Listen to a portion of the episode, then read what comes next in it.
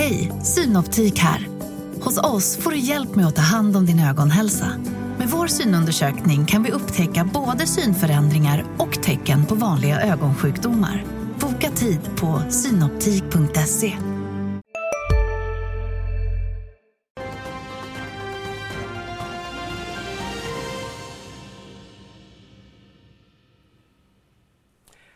välkomna till Börsmorgon! Varmt välkomna tillbaka ni som hängt med oss från alldeles nyss och från tidiga morgonen i Rapportmorgon. Vi har hunnit avhandla en eh, lång rad rapporter och fler ska det bli. Det blir mycket att prata om. Och med oss för att göra det fortsatt det är Erik Sprinkorn, Tim Fonder, Agneta Jönsson, DI. Välkomna! Tackar. Tack. Fortsatt Och så, och så är det alla hjärtans dag, det får du inte glömma. Hörni, eh, om vi ska ge oss på en eh, väldigt kort sammanfattning av dagens skörd, Erik, du får börja. Eh, Jag tycker att eh, Viaplay var väldigt fin abonnenttillväxt. Sen är det ju såklart att, att de är inne i en investeringsperiod. De visar inte lönsamhet på gruppnivå men jag tror inte det Q4 är representativt för hur, det kommer se ut framöver. Tittar man på rapporten snabbt Bet- så ser ja. det väldigt dåligt ut. Skulle Ja, jo, exakt, men det, är- det är första intrycket man får. Men då, då kanske man ska titta på just på abonnenttillväxten, hur det går i nya marknader. Men och Betsson, fantastiskt Mm. över hela linjen. Så eh, i de, de så innovativa bolagen så, så, är, det- så, så går det väldigt bra. Men även i övrigt så är mitt in- totalintryck av rapporterna starkt. Ja, det måste jag hålla med om. Och jag tyckte jag var också lite lättare via Play att man har gjort mycket av de här tunga sportinvesteringarna och det så att det är avklarat. Så att går man in i lite sämre tider så kan man ju lägga krutet på att hålla i abonnenterna och jobba med de frågorna istället. Men dagens eh, största rapport får vi väl ändå säga är Boliden. Vad... Ska vi börja med kanske att lyssna på hur det lät när Mikael Staffas eh, gästade oss eh, tidigare i morse? Jag tycker det är en jättebra rapport. Vi har ett otroligt bra kassaflöde, vi har rekordutdelningar. Sen är den som du säger något under vad det gäller just ebit-raden. Vad, hur förklaras det? Ja, det kan man ju förklara. Om det är några procent upp och ner så kan man ju fråga sig egentligen hur våra analytiker räknar. Fortsätt prata. Men, men ni är ju ett bolag som är ganska svårt att räkna på. Ja, ganska svårt att räkna på. Så att jag skulle säga det att vi har, vi, man kan ta lite upp och ner. Vi har kanske något lägre halter i kvartalet än man delar räknat med. Men sen så är det som alltid vad det gäller definitivt prissättningar och annat sånt så är det lite svårt att räkna. Och vi ligger nu, vad det nu är, 5 eller 10 procent, 5 procent under förväntningarna vad det gäller just ebit-raden. Mm, Mikael Staffas var här i studion i morse. Vi pratade länge och väl om det ena och det andra. Själv undrar jag både Boliden och Viaplay hur marknaden kommer ta emot den här avvikelsen på analytikerestimatet som Mikael Staffas inte gav så mycket för. Men några tankar kring Boliden? Nej, igen så upprepar upprepa vad jag sa tidigare att det, är viktigt, det är bra att det finns ett svenskt bolag som, som, som är aktiva i en, en bransch där det är viktiga metaller för den stora omställning som ändå är på gång, hoppas vi. Jag tänkte vi ska titta på bilderna en gång till i repris. Du, var här, du har ju varit här hela morgonen och pratat om omställningen. Väldigt snabbt så har vi två bilder. En som bland annat visar oss hur otroligt mycket kol som behövs eller som används för närvarande i energi. Ja, det kanske är förvånande för om man tar ett svenskt perspektiv så ser det helt annorlunda ut i vår mix. Det är mycket hållbart liksom med, med kärnkraft, ingen fossil, vattenkraft mycket och så vind på det. Det är väl den stora i mixen. Men tittar vi globalt då så är det där äckliga, fula, gråa pucken, det är den vi måste få bort. Och stör, största eh, insatsen har ju varit via gas som vi ser det här rosa. Men den, den bilden har ju förändrats lite grann, eller väldigt mycket nu efter, efter eh, Putins eller Rysslands krig i, i Ukraina. Då är inte rysk gas ett bra sätt längre. Och då är det, liksom, det är full spätta på allting fossilfritt som, som är nödvändigt. Kärnkraft, vattenkraft, vindkraft, solkraft. Där måste massiva investeringar ske. För vi ser, det, det är en liten pytte, pytte, pytte grej på toppen på, på, allt, på hela den här globala bilden. Och det pågår väl, men man kan diskutera hur fort det går. Nästa bild visar att eh, den utvecklade världen i blått förbrukar väldigt mycket energi. Den eh, fattiga delen i orange mindre så, men det finns inga lågenergi Nej, alltså energi är liv och liv är energi. Det är liksom närmast en matematisk identitet. Och, och nå- någonstans att, att krympa sig till en, en framtid, det, det, det blir ett tråkigt alternativ för det, då krymper man sig ner i fattigdom tycker jag bilden visar. Utan om man ska fortsätta att kunna växa på, på ett hållbart sätt som inte eh, liksom, tynger på planeten. Och då är det energi, alltså elektricitets elintensiva även mjukvara istället för hårdvara, men även mjukvara driver ju elektricitetsanvändning. Kan vi kalla det där för Erik Sprinkorns kärlekstal till Boliden? Ja, Nå någonstans på ett väldigt runtgående sätt. Ja. Men någonstans behövs ju de här metallerna, verkligen. Helt enig. Anna, Annika, vill du lägga till en kort reflektion? Agneta, ursäkta. Ja, men det, det, är ju som du säger, vi kommer ju behöva, elektrifieringen gör ju att det behövs ännu mer el än vad det gjorde tidigare och det behövs ju också till alla de här prylarna vi har, eh, metaller, både de här sällsynta jordnötsmetallerna men även koppar och sånt kommer ju behövas mer framöver. Sen vet vi ju att det är väldiga svängningar i eh, metallpriser och sådant och precis som vi sa så är det svårt för att göra prognoser på de här sakerna men den här mixen är ju beroende på vad det är exakt för halt i just den malmen man gör, bryter just nu tillsammans med priser och sånt där. Så jag tror att eh, marknaden ser igenom det här ganska mycket så jag tror inte att det blir någon större besvikelse på Bolidens rapport. Men om man ska vara problemorienterad som investerare mm. så det är alltid jobbigt när, när det finns så viktiga faktorer som, som man inte kan styra över själv som företagsledare. Då, som metallpriser, halter. Mm. Man, är helt, man flyger lite grann som ett löv för vinden i de aspekterna. Jag tänkte att vi ska ta oss an den första rapporten för det här Börsmorgonet även om vi har hunnit med många under denna morgon. Vi ska till kontraktstillverkaren Hansa som redovisar ett ebit-resultat om 63,3 miljoner kronor för fjärde kvartalet. Även här höjs utdelningen. Jag säger välkommen till VD Erik Stenfors. Ni ser fortfarande ingen avmattning i efterfrågan, går in i 2023 med en rekordhög orderstock. Det här vill vi veta mer om. Ja, gärna det. God morgon. Jag vill bara säga att jag ser inte er. Ser ni mig? Vi ser er och du hörs bra också. Eh, men det känns ju som att ni har haft ett starkt 2022 och eh, en stark start på 2023. Ja, alltså jag kan rapportera om eh, glada miner härifrån Hansa och det beror inte då bara på att det är alla hjärtans dag utan vi såg ju att vi gick i mål 2022 på ett strålande sätt och vi ser ju också ett ljust 2023 så Ehm, riktigt starkt och tittar vi på kvartalet då så hade vi rekord både på översta och nedersta raden av resultaträkningen. Kom in på en miljard för första gången hittills i omsättning och också en stark eh, organisk tillväxt. Vi var nöjda redan efter tredje kvartalet, då låg vi eh, över 25% och nu var vi nära 30% organisk tillväxt i Q4. Jättebra. Eh, resultatet följer med. Eh, vi ser att resultatet i Q4 22 eh, då mot 21 ökar med nästan 50% från 43 till över 63 miljoner och att det också följer med hela vägen ner då till vinst per aktie som kom över en krona, 1,06.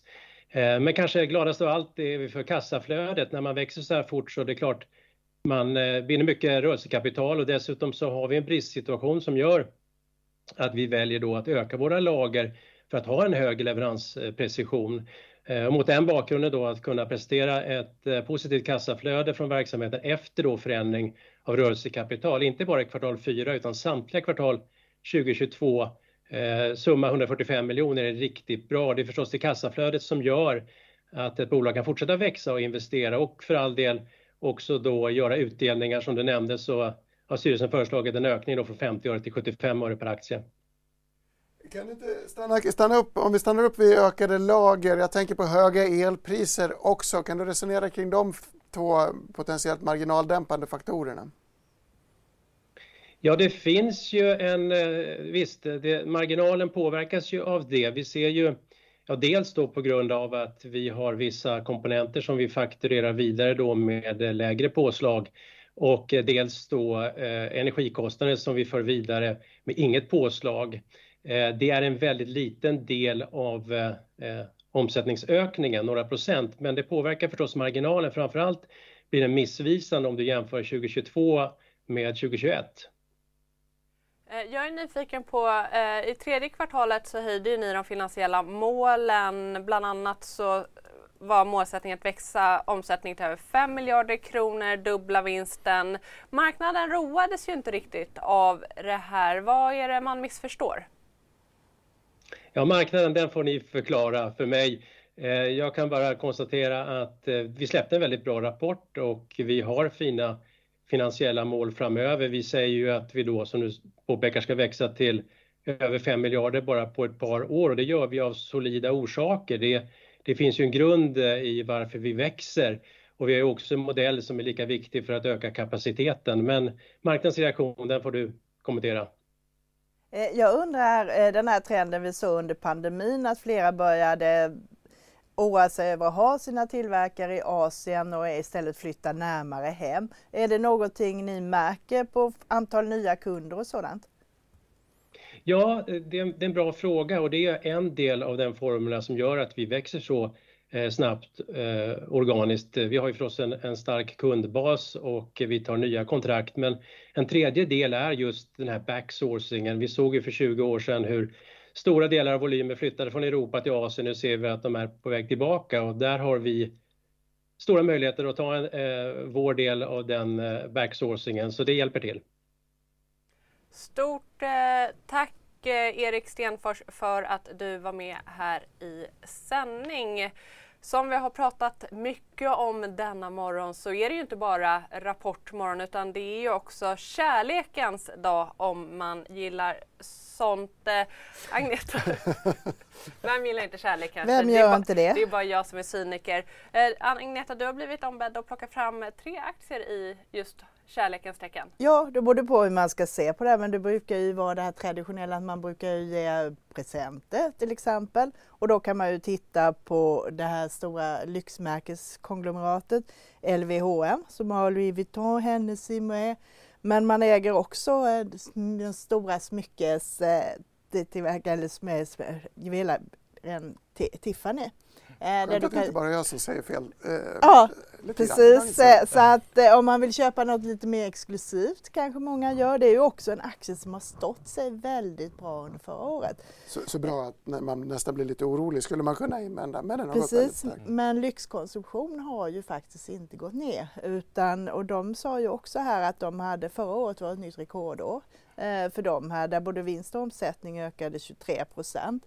Så det är någonting att fundera över. Är man lite mer inåt budgethållet så kan man köpa en diamantrigg hos danska Pandora fast då med en syntetisk diamant utav hög kvalitet. Vilka krav här på alla hjärtans men jag frågade här Gabriel så jag skulle plocka fram någonting. Sen kan man ju ta lite det där, kanske ta ner det lite då att om man inte vill köpa smycken och sånt, den som gå på dejt brukar ju vilja fixa till sig lite och det kan ju faktiskt gynna Lyko som säljer alla de här skönhetsprodukterna och sådant.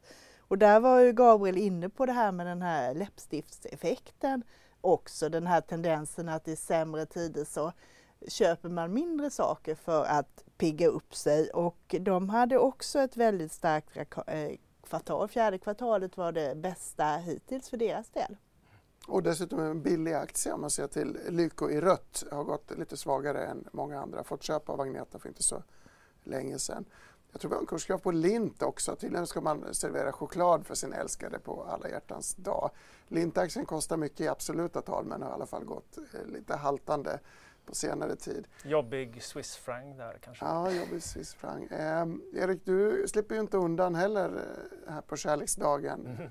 men ni äger sedan länge Match.com. Ja, och det blir väldigt, väldigt konkret då liksom, när man letar efter kärleken eller söker, söker en partner. Så, så de har ju eh, Ja, det, det, är en position i vår globalfond och det, det, de, Tinder är väl eh, en av världens största appar överhuvudtaget och definitivt störst av alla inom, inom dating.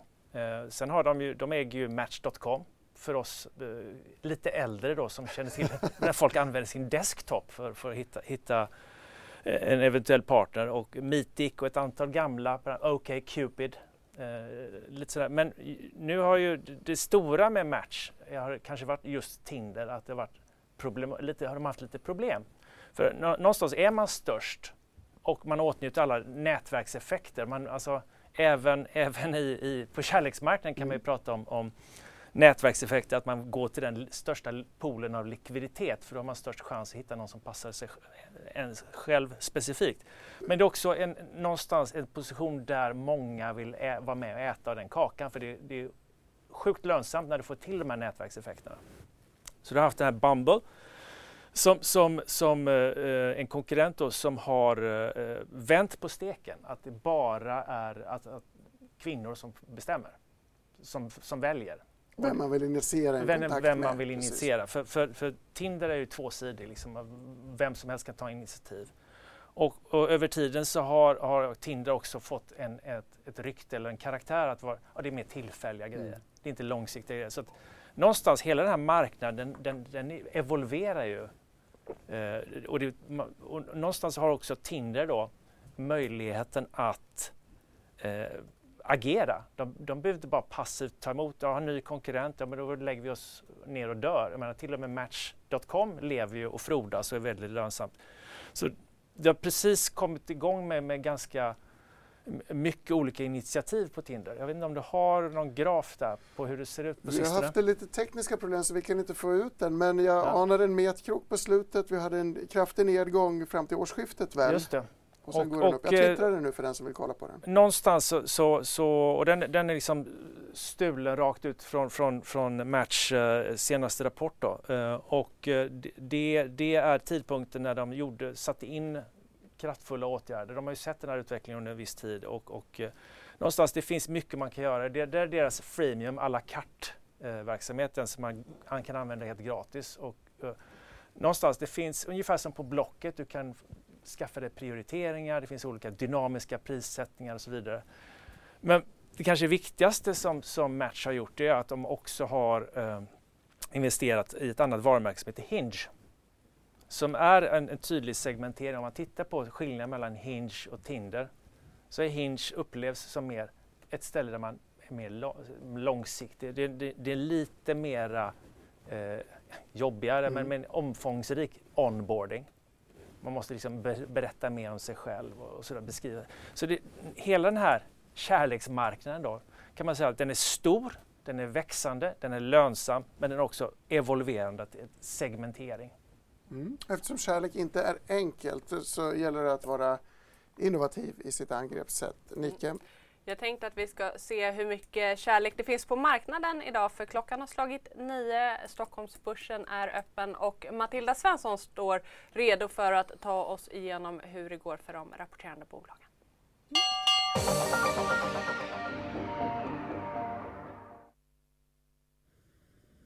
Ja, Stockholmsbörsen har öppnat och öppnar uppåt en halv procent i väntan på den amerikanska inflationsstatistiken som vi får i eftermiddag.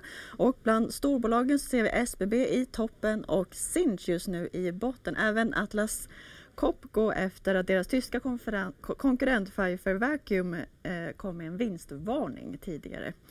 Men vi har fått in många rapporter nu under morgonen och många VD har ju också gästat oss här med eh, bland annat eh, gruvbolaget Boliden som är upp en halv procent eh, på sin rapport. Betsson lyfter 7 procent efter att man gör sitt bästa år någonsin.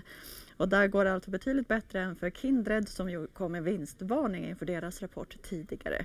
Streamingbolaget Viaplay är ner 2% man gör en större förlust än väntat men också ökar antalet prenumeranter med nästan 900 000.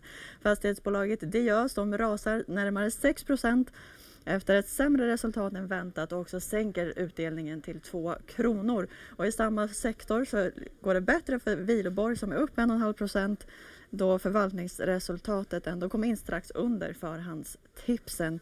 Installationsbolaget Bravida de är upp 5,5% på sin rapport och kontrakttillverkaren Hansa de rusar tvåsiffrigt då eh, då resultatet ökade och att man också samtidigt också höjer utdelningen. Forskningsbolaget Camurus som ju snart kommer vara med i sändning, de är ner 3 eh, trots att man ökade sina intäkter med närmare 50% och de gjorde även sin första helårsvinst någonsin. Men trots det så är de ner 3,5% Internetoperatören Bahnhofs de är upp närmare 5% på sin rapport och höjer utdelningen. Och utöver morgonens rapportflod så har ju Saab kapitalmarknadsdag idag efter förra veckans starka rapport och nu justerar man sina långsiktiga finansiella mål där, till, där försäljningstillväxten ska ska dubblas från 5 till 10 procent och den aktien är upp runt 3 procent. Och medicinteknikleverantören Advice de är upp närmare 4 procent om man vill köpa ett amerikanskt bolag för omkring 15 miljoner dollar. Och som ni var inne på förut så är det ju alla hjärtans dag idag och där ser vi att Pure Fun faktiskt ändå lyfter runt en halv procent och de kom, äntrade ju eh, First North för, idag för ett år sedan. Eh, och de säljer ju bland annat eh, vuxenleksaker men även hundleksaker om jag inte missminner mig. Så kanske är det inte rep och sexleksaker som man köper i sämre tider eller så är det det man kanske borde göra. Eller vad säger ni i studion? Därom tvistar det lärda. Vi noterar att, att det är roligt att det finns så många kärleksaktier att diskutera i programmet. Kärleken till Boliden verkar också ganska stark. Jag var orolig för att rapportmissen skulle tas emot sämre av marknaden än Meta, men den var ju faktiskt upp lite grann. Om Precis, det ligger där och vi är runt nollan nu så att mm. säga. Som sagt, det är ingen större dramatik på den. Eh, Bravida tycker jag lyfter välförtjänst här, nästan 6% nu. Jag har lite svårt att förstå Diös. Jag undrar om det kan bero på eh, att man minskar utdelningen som den handlas ner så mycket 5,6 procent ner. Men via Play, Erik, det här mm. kanske man kunde oroa sig för att den skulle komma ner lite. Optiken är, är ju inte bra såklart med, med, med, förlust på gruppnivå i kvartalet och, och mer så än, än, vad folk hade förväntat sig. Så det, det, jag tyckte, man ska väl vara glad att det bara är minus två då så att inte folk blir jättenervösa över det här. Vi ska faktiskt prata om artificiell intelligens bland annat. Eh, vi har Bahnhof på tråden. Innan vi gör det, Erik, i den tidiga sändningen fick du berätta lite kort om Palantir som mm. jobbar med AI. Kortversionen av det samtalet. Rapporten kom in igår, rusade 20 tror jag efter handen. Ja, men det, det är en slutmarknad som, som är stark och det, de har byggt en väldigt stark position inom eh, och speciellt säkerhetsmjukvara för eh, så att säga, tre bokstavsmyndigheter i USA. Det jag reagerade på förra gången de rapporterade var ju att de har en våldsam tillväxt i antalet aktier på grund av att de har så stora program för så kallad stock-based compensation. Så antalet aktier i bolaget var upp 12 procent och, och tittar man på, på hela, hela rörelseresultatet gick åt i, kost, i alla fall bokföringskostnader för aktieprogram. Så det, det kändes ju som, som om eh, eh ägarna är lite förfördelade på, mot, eh, mot ledningen där. Mm. Eh, fantastisk efterfrågan alltså men vinstökningen äts upp av den giriga ledningen. Med det så byter vi bolag och namn till eh, Bahnhofs VD Jon Karlung.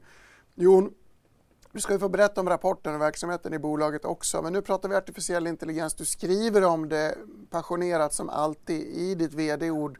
Kan du berätta för oss som inte hunnit läsa eh, i detalj eh, hur dina tankar går här?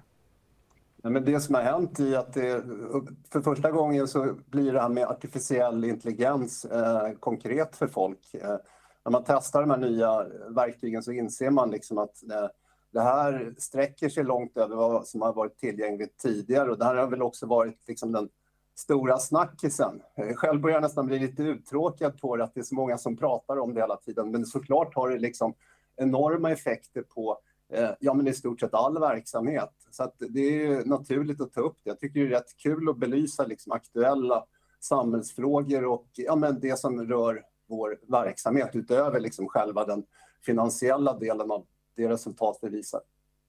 Men artificiell intelligens och nya tekniska finesser, är inte det bra för dataanvändandet och eh, er produkt i slutändan? Jo, absolut, men, men eh, Eh, det, det, är roligt med teknikskiften. Jag tycker alltid det är liksom intressant när det uppstår liksom teknikskiften där man har gått från en modell där man har betraktat kanske sådana här eh, ja, men alla har väl mött någon slags kundportal någon gång med någon AI-chatt som ska svara på grejer och så inser man att de är rätt, eh, ofta rätt otympliga och dåliga. Här uppstår ett läge där man kan tänka sig liksom att olika arbeten... Hej, Ulf Kristersson här. På många sätt är det en mörk tid vi lever i. Men nu tar vi ett stort steg för att göra Sverige till en tryggare och säkrare plats. Sverige är nu medlem i Nato. En för alla, alla för en. Vi är specialister på det vi gör, precis som du. Därför försäkrar vi på Swedea bara småföretag, som ditt. För oss är små företag alltid större än stora och vår företagsförsäkring anpassar sig helt efter firmans förutsättningar. Gå in på swedea.se företag och jämför själv. uppgifter på sikt eh, förenklas och i vissa fall kanske det rent av eh, kan ersättas med de här verktygen som finns. Eh, vår rapport använder också för övrigt, vi har ju gjort det, vi brukar lägga lite vikt vid grafiken och så där, så att omslaget på Banos rapport är gjort med en med en bildverktyg som också bygger på artificiell intelligens. Så att eh, datakraft blir allt viktigare och det ser man väl också kanske i vårt, eh, i vårt resultat. Vi har ju många kunder som driver eh, ja, men olika typer av tjänster på det här området också. Jag frågar mig hur länge jag kommer ha ett jobb kvar innan AI kan göra journalistens arbete. Jag är också lite orolig för er fondförvaltare, Erik. Har, har, du ställt den frågan till eh, ChatGPT? Hur länge jag kommer ha ett jobb? Ja, Nej, exakt. faktiskt inte. Ja, det är kanske ett tips. Ja. Nej, men jag tror att, att uh, ingenting är svartvitt utan jag tror att eh, eh, det kommer finnas en, under ganska lång tid en gynnsam, eh, ett samarbete mellan människa och maskin. Eh, IA istället för AI, Intelligence Augmentation på, för oss människor. Någonstans, eh, konkret användning för den här typen av algoritmer, det är ju eh, första som vi verkligen kan fundera på är ju dataspel. Måste man verkligen ha 500 pers som sitter och, och eh, ritar digitala träd? Kan inte en, en sån här algoritm göra det minst lika bra? Uh, I dataspel som är stora så har man ofta så kallade NPCer, non-playing characters, som uh, brukar vara ganska dumma så att säga. Men, men, kan man göra dem intelligenta så kan du få en, en ökad återspelningsbar spe, av, av, av, återspelningsbarhet av spelet och du kan få en mycket större, göra ett roligare spel och, och så att folk återkommer hela tiden. Par Paradox VD pratade ju med oss för inte så många dagar sedan och beskrev det här som den största game changern i, i dataspelsbranschen. Jon, vill du plocka upp den här tråden? Ja, men det är väl lite så att det är ett verktyg. Man får ju se det. Det är ett verktyg, inte bara något som tar arbetsuppgifter. Det kan ju förenkla och göra det väldigt mycket lättare. Och, ja, men all, all kodning och sånt går ju snabbare. Jag börjar ju egentligen med att relatera till en hundra år gammal science fiction-pjäs i, i, min text. Och, eh, eh, det är en, en, text som handlar om just, ja, det är första gången ordet robot används egentligen i den pjäsen som heter Rossums Universal Robots.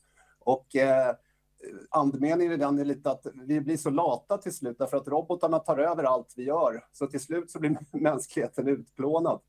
Eh, och så illa får man ju hoppas att, att det inte går. Men det finns ju liksom en en jag, jag vill att de här verktygen ska frigöra kreativitet och möjlighet att hitta på nya grejer och så. Eh, och att, det, att, att den drivkraften måste ju på något sätt vara mänsklig och finnas kvar i alla fall komma in lite på eh, rapporten och siffrorna. Eh, om vi ser för 2023 spår ni en omsättningstillväxt på ungefär 10% med en rörelsemarginal på ungefär 12% för helåret. Eh, kan du resonera lite vad som ligger till grund för den här prognosen? Vi har satt en del, vi bygger då på ganska stabila eh, abonnemangsintäkter där vi har en lång tradition av att kunna upprätthålla och växa stabilt över tid. Så vi visar ju både liksom att vi kan förena tillväxt med att också ge ett eh, bra, eh, rörelse, eller en bra rörelsemarginal på det. Eh, våra prognoser brukar jag försöka hålla lite så att det ska finnas utrymme att överraska kanske lite eh, åt det positiva hållet. Samtidigt är det ju ett, ett skakigt omvärldsläge så det, går, det är kanske lite svårare än vanligt att förutse. Men eh, vi har av försiktighet så kan vi nog eh, ja, men luta åt, åt stabila abonnemang, abonnemangsintäkter eh, och också att vi verkar i en bransch där allt fler eh, behöver liksom säkra och pålitliga tjänster både i datahallar och i de nättjänster som Bahnhof levererar. Jag ser det att de ökade energipriserna är fortsatt en utmaning för er som har påverkat resultatet. Eh, framförallt då för eh, era eller datacenter. Eh, hur, hur mycket kostnad kan ni föra vidare och hur ser du på liksom, framtiden här?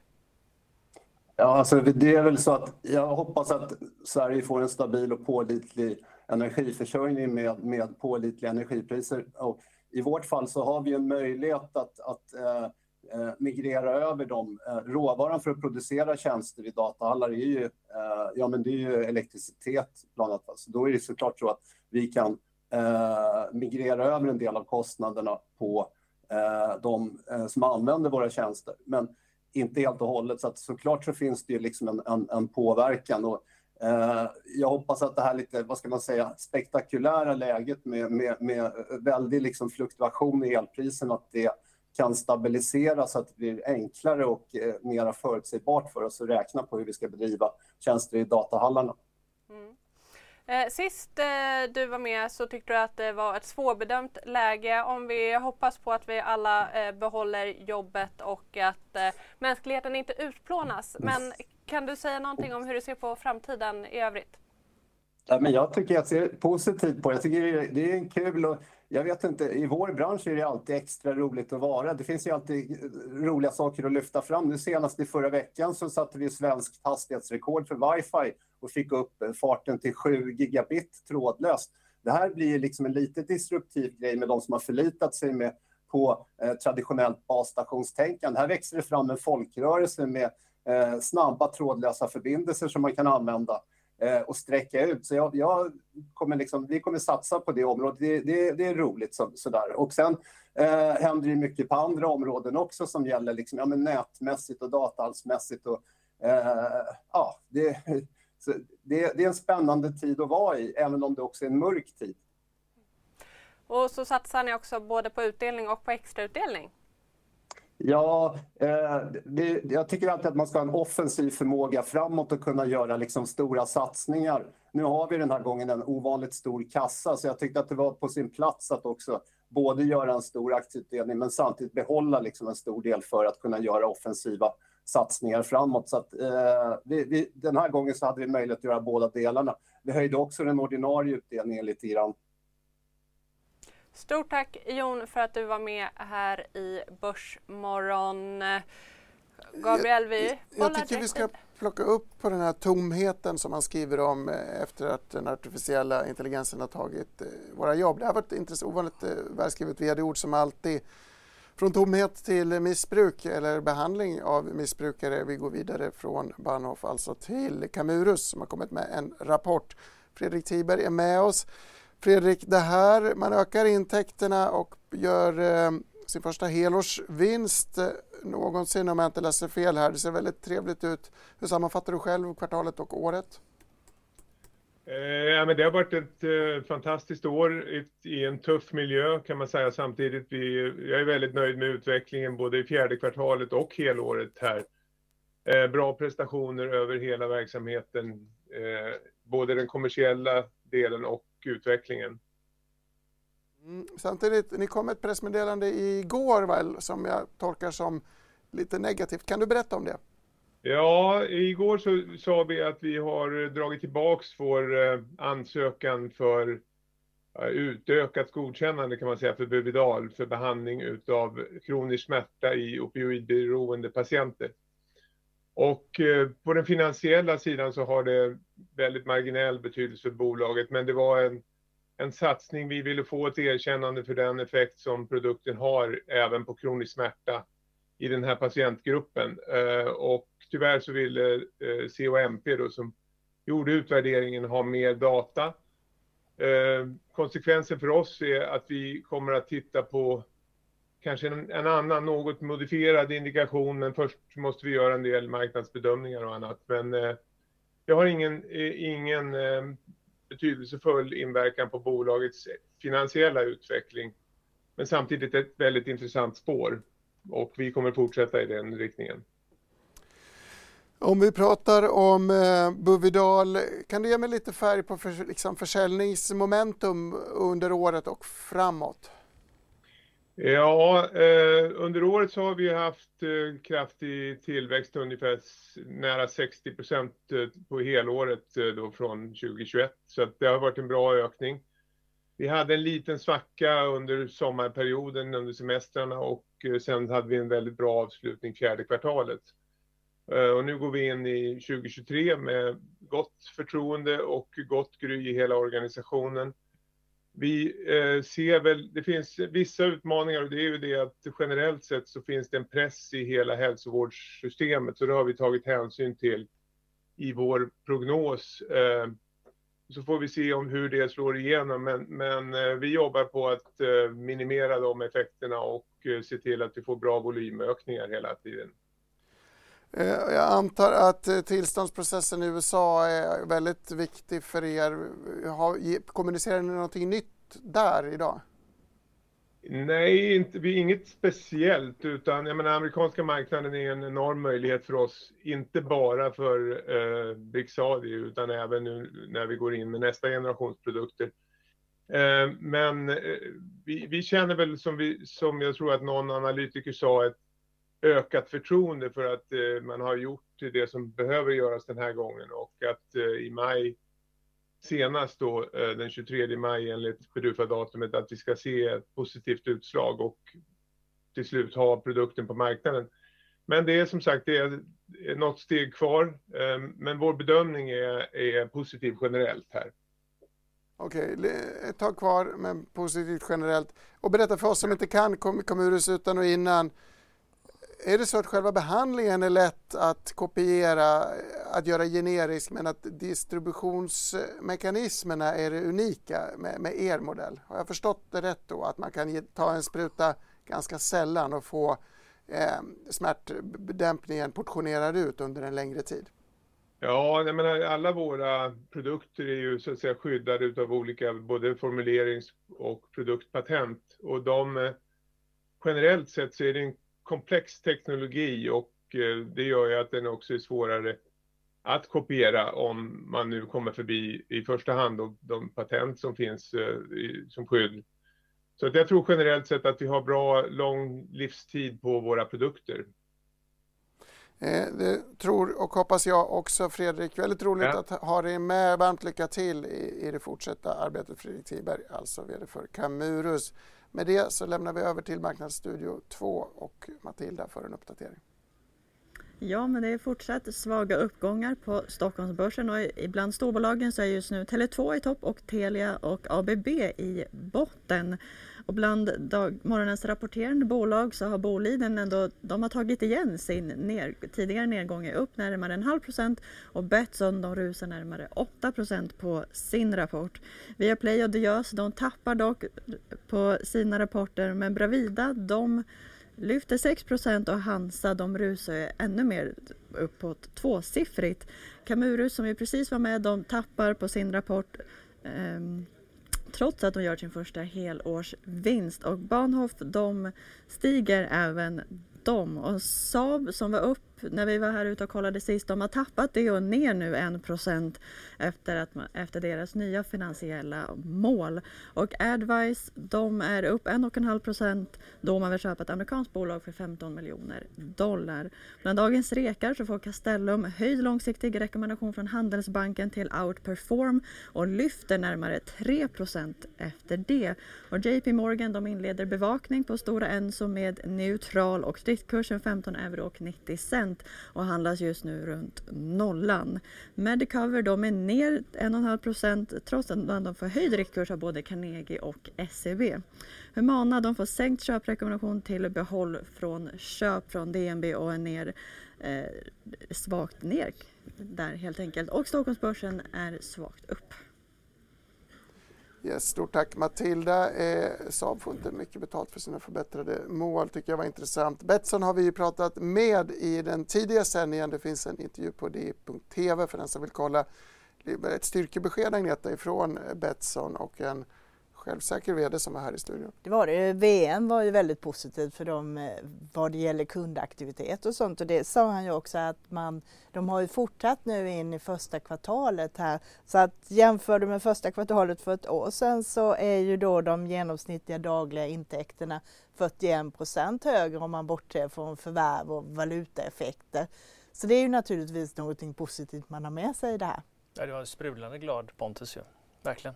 Han är väl alltid sprudlande glad? Ja, men det, det finns... Det, det, kanske, det kan inte vara... Inte, in, inte, inte skruva till 11, men, men, men kanske eh, ovanligt ändå mm. uppåt och pepp. Ska vi säga någonting om liksom, andelen reglerade versus oreglerade marknader, Erik? Ja, nej, men det är en tydlig skillnad där om man tittar på vad Kindred, eh, hur, hur de har gått och hur, hur Betsson har gått. Och då har ju, ett Kindred har ju inte fått betalt för att sin strävan att bli mer kalla det hållbara i någon slags social mening. Utan då, då, och det beror ju på att, att eh, regleringar på olika marknader funkar på, på ett sätt som gör att det stimulerar liksom att man för bolag att ta sig runt det. Nu, och det är inte Betsson som gör det, det är liksom lite fuloperatörer som gör det. Så det, det, i det fallet så har ju faktiskt Betsson valt en, en finansiellt vinnande väg. Mm. Eh, ska vi prata lite om banker också? tycker jag verkligen. Agneta skriver ett helt uppslag om banker i dagens tidning. Agneta, jag antar att du summerat rapporterna här. Och... Precis, rapporterna var ju väldigt starka som väntat så att säga. Det visste vi ju att de skulle bli. Så tittar man på vinsterna före skatten som ökade mest var Swedbank som ökade vinsten 44 procent mot fjärde kvartalet ett år tidigare och Handelsbanken ökade 18 procent och det är ju inte så illa det heller om man säger. Det vi har som har hänt nu det är ju de stigande räntorna som slår igenom nu med full kraft i stigande räntenetton. Eh, den största liksom omvärderingen utav det här det kom ju när man gick från minusränta och hoppade över nollstrecket. Men det är fortfarande en räntemedvind. Dels är det effekter i omprissättningar på lån och sånt som tar lite tid att få genomslag.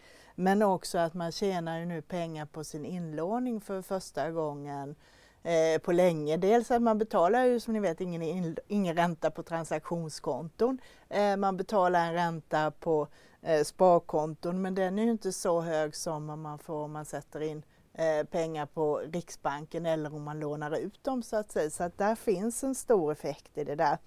Och tittar man, som jag försöker göra, titta lite framåt eh, så är det just de här hur bankerna är ju väldigt lika så att de rör sig ju åt samma håll och som vi ser nu så tror jag att den här effekten med räntorna kommer att hålla i sig Eh, ett tag framöver. Någon gång under året eh, så kommer det här kanske att vända runt lite. För vi har också en volymaspekt i det här.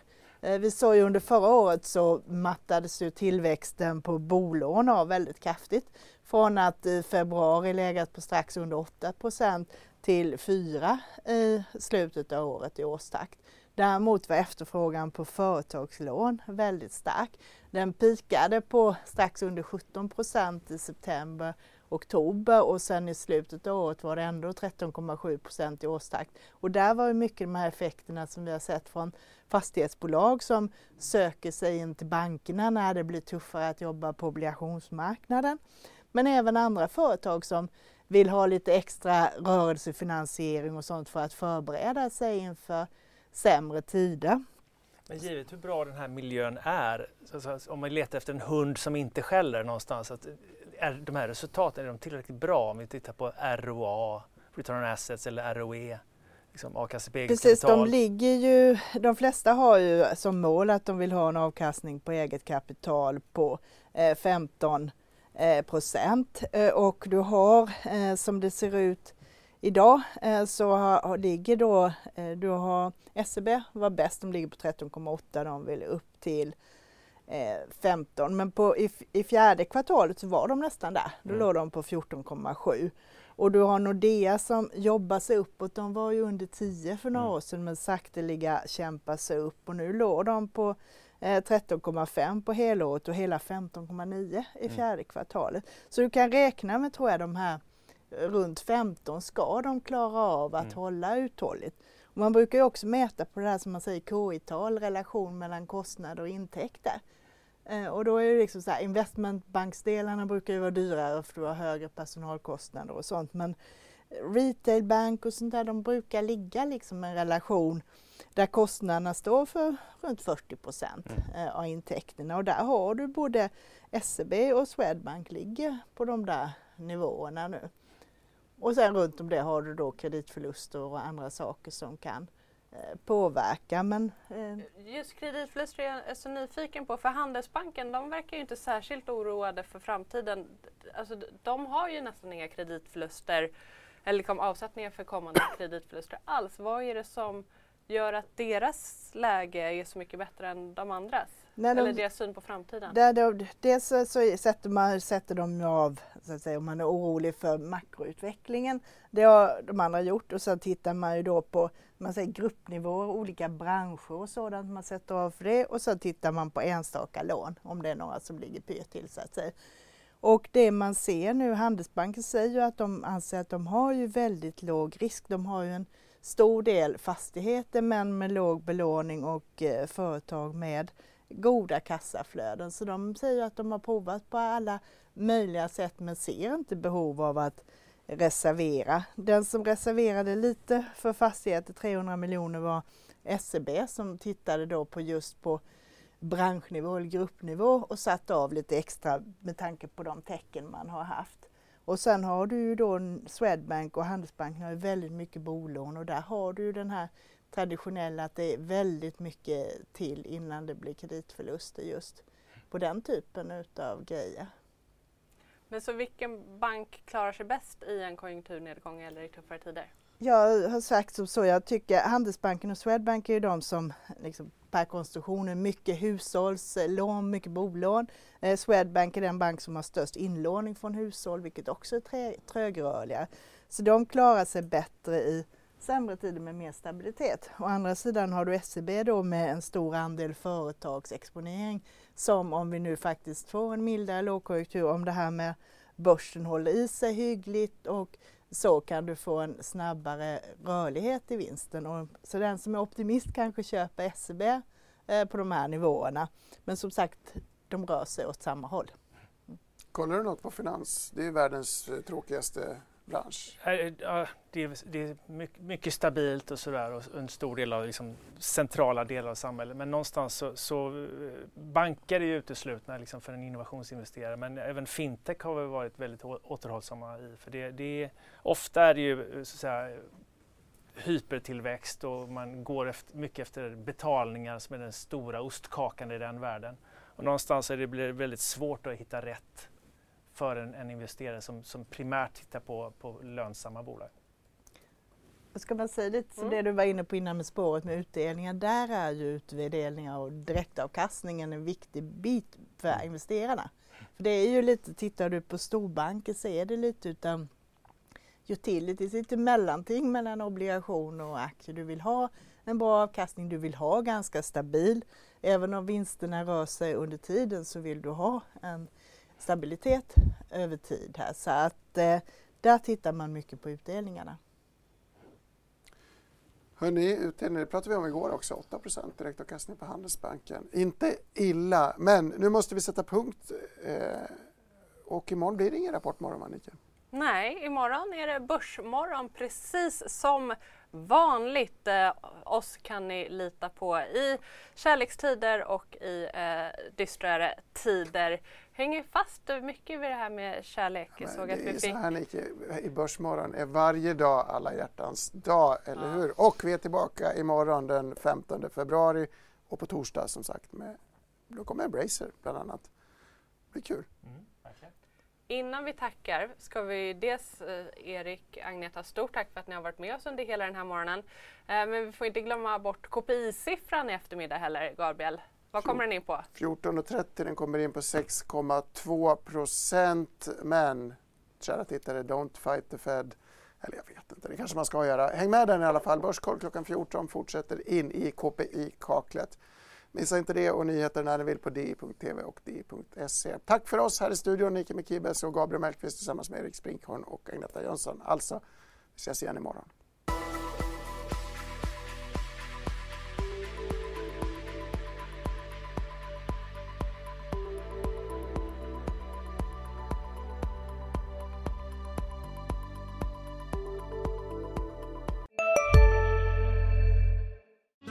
Hej, Susanne Axel här. När du gör som jag och listar dig på en av Krys vårdcentraler får du en fast läkarkontakt som kan din sjukdomshistoria.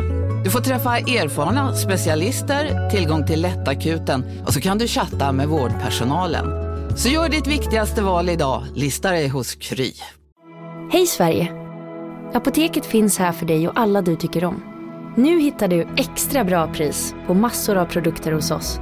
Allt för att du ska må bra. Välkommen till oss på Apoteket.